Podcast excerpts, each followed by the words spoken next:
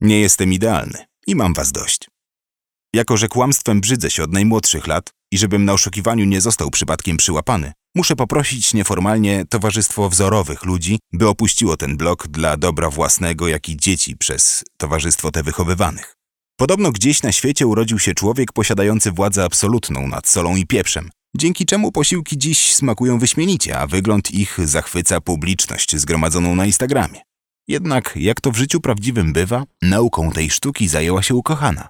Bo jak wiadomo, mężczyźnie zbyt długo w kuchni przebywać nie przystoi. Zacznijmy wszystko od momentu, w którym dowiedziałem się o przypadłości, jaka dopadła ciało ukochanej, a w zasadzie jej biust. Kochanie, zauważyłam pierwsze symptomy świadczące o miopatii piersi. Przeczytałem w wiadomości wysłanej na telefon. Po chwili doszedł drugi SMS od najlepszej koleżanki ukochanej. Tak, to pewne. Twoja kurka ma miopatię mięśni piersiowych. Jak to piersi chore? Wypowiedziałem na głos, przyciągając wzrok kierownika siedzącego obok. Zaraz będę, odpowiedziałem naciskając przycisk wyślij. Ze znanych tylko sobie powodów człowiek pełniący mało znaczącą funkcję w firmie zakazał Kantowi opuścić miejsce pracy. Pomijając drogę formalną, zapukałem do drzwi z wielkim napisem prezes. Podobno osobnik znajdujący się za nimi potrafił wszystko załatwić. Wbrew decyzji kierownika, a za zgodą prezesa, opuściłem miejsce pracy. Twardziel. Wyobraź sobie, że zamiast posłuchać własnych myśli, postanowiłem przemierzyć siedem pięter, wykorzystując do tego celu tylko nogi. Biegiem tej wędrówki bym nie nazwał. Truchtem też.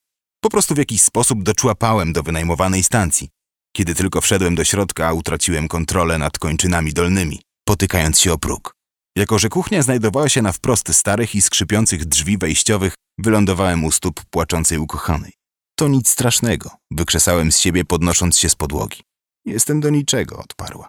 Przestań, przecież to tylko piersi, nic się nie zmieni, dodałem. Wtedy ukochana spojrzała na Kanta, otarła łzy i powiedziała Czy ty normalny jesteś? Przecież zielonej piersi do rosołu nie wrzuciłam, idiotką nie jestem. O czym ona mówi? Pomyślałem. I podobnie też zapytałem. Kancie, była u mnie Małgorzatka z weterynarii. Mm, ta, co zbytnio za nią nie przepadam, przerwałem ukochanej. Tak, dokładnie ta sama. I ona powiedziała, że ta kura, co kupiłeś ją na targu, to broiler i jej piersi nie nadają się do jedzenia, bo za szybko urosły, przez co obumarły, więc je wyrzuciłam. No dobra, czyli twoje piersi są zdrowe? Tak. To dlaczego płaczesz? Bo jak zwykle coś popsuje. Nawet rosołu dobrego ugotować nie potrafię. Chcesz powiedzieć, że zwolniłem się z pracy przez kurę, która miała chore piersi? Wiesz co? Nieważne. Pozwól, że teraz zjem ten okropny rosół w samotności, a później pogadamy. Nie mam, wylałam do toalety. I znów ukochana się rozpłakała. Pierwsza zupa. Nie wiedzieć dlaczego większość osób pisząc blogi w jakiś cudowny sposób wykasowuje z pamięci błędy i wpadki, jakie popełnili podczas własnego życia. Choćby wpadka ta miała dotyczyć najbardziej skomplikowanych czynności, takich jak wypowiedzenie ja pierdolę podczas wizytacji na placu zabaw, czy też nieudanej pierwszej próby ugotowania zupy przez ukochaną.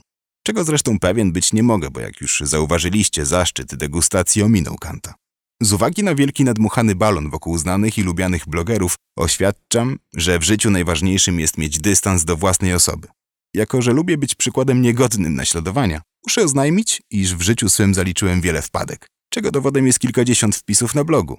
Zaczynając od wkroczenia do autobusu z workiem pełnym śmieci, o których wyrzuceniu zapomniałem w drodze na przystanek, spaleniu kuchni i co najważniejsze, zostałem kryminalistą, palącym papierosa na parkingu podziemnym. Przynajmniej tak myślałem, dopóki nie okazało się, że uciekam z plastikowym koszykiem, zabranym ze sklepu. Robiłem pranki, zanim stało się to modne. I tak, będąc jeszcze nastolatkiem, wszedłem na pierwszą nowoczesną kasę taśmową, jaka pojawiła się w jednym z lubelskich sklepów, rozpoczynając tym samym lubelski bieg po sklepowej kasie. Oczywiście, jak na zawody tej rangi przystało, przedziałem strój biegacza z numerem 1068 przypiętym do koszulki. Kilka dni później wspólnie z kolegami postanowiliśmy zbić Kubusia. Dokładnie w południe czterech zamaskowanych mężczyzn przebranych za polskich mafiozów wbiegło do małego osiedlowego sklepiku z bronią w ręku. Jeden z nich krzyknął na ziemię, po czym z półki został strącony. Sok Kubuś. Zapomniałbym o najważniejszym. W sobotę uprawiałem stalking. Taką oto wiadomość o czwartej rano wysłał szef do Kanta. Boga w sercu nie masz. Czy po prostu jesteś takim dupkiem, Kancie? Najwidoczniej bardzo mi zależało na otrzymaniu wolnego poniedziałku, skoro pod wpływem alkoholu wysłałem 40 SMS-ów do szefa z prośbą o urlop. Żeby tradycja mogła trwać, pochwalcie się w komentarzach własnymi wpadkami. Chociażby za kalcem. Czytał Przemysław Pikiel. Tekst historia myślnik kanta.pl